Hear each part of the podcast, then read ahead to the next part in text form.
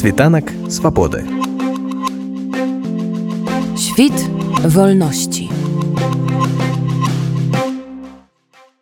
Рашэнне аб перайменаванні часткі вуліцы электрычнай у сквер вольнай беларусі было прынята 29 траўня у тлумачальнай запісцы да пастановы гаворыцца што прысваенне імя сквер вольнай беларусі гэта знак падтрымкі агульнанацыянальных ініцыятываў фондаў і аб'яднанняў якія дзейнічаюць на тэрыторыі краіны і накіраваныя на абарону правоў грамадства ў беларусі а таксама беларусаў якія пражываюць у рэспубліцы польша А выбор месца з'яўляецца сімвалічным, бо побач знаходзіцца генеральнае консульство Беларусі.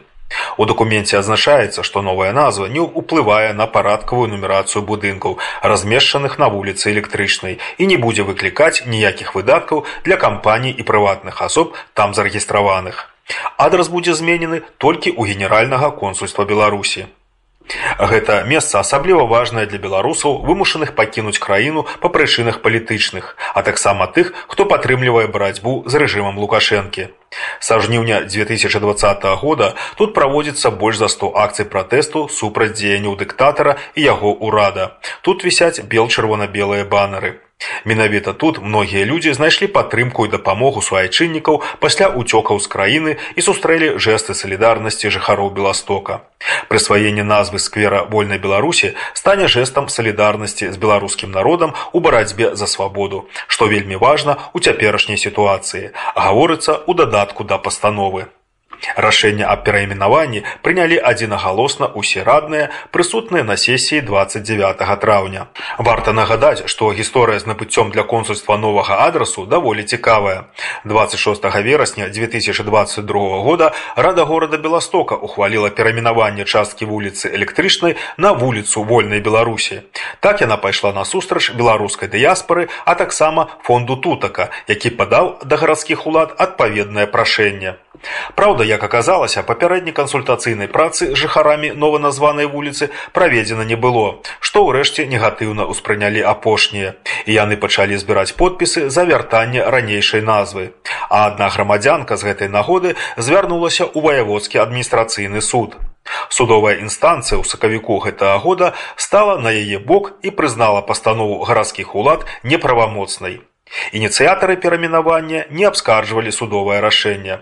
Пастаўленыя раней аншлагі з новай назвай ужо зменены на старыя. У сваю чаргу цяперашняе рашэнне беластоцкіх улад выклікала падтрымку з боку ранейшых ініцыятараў перамінавання.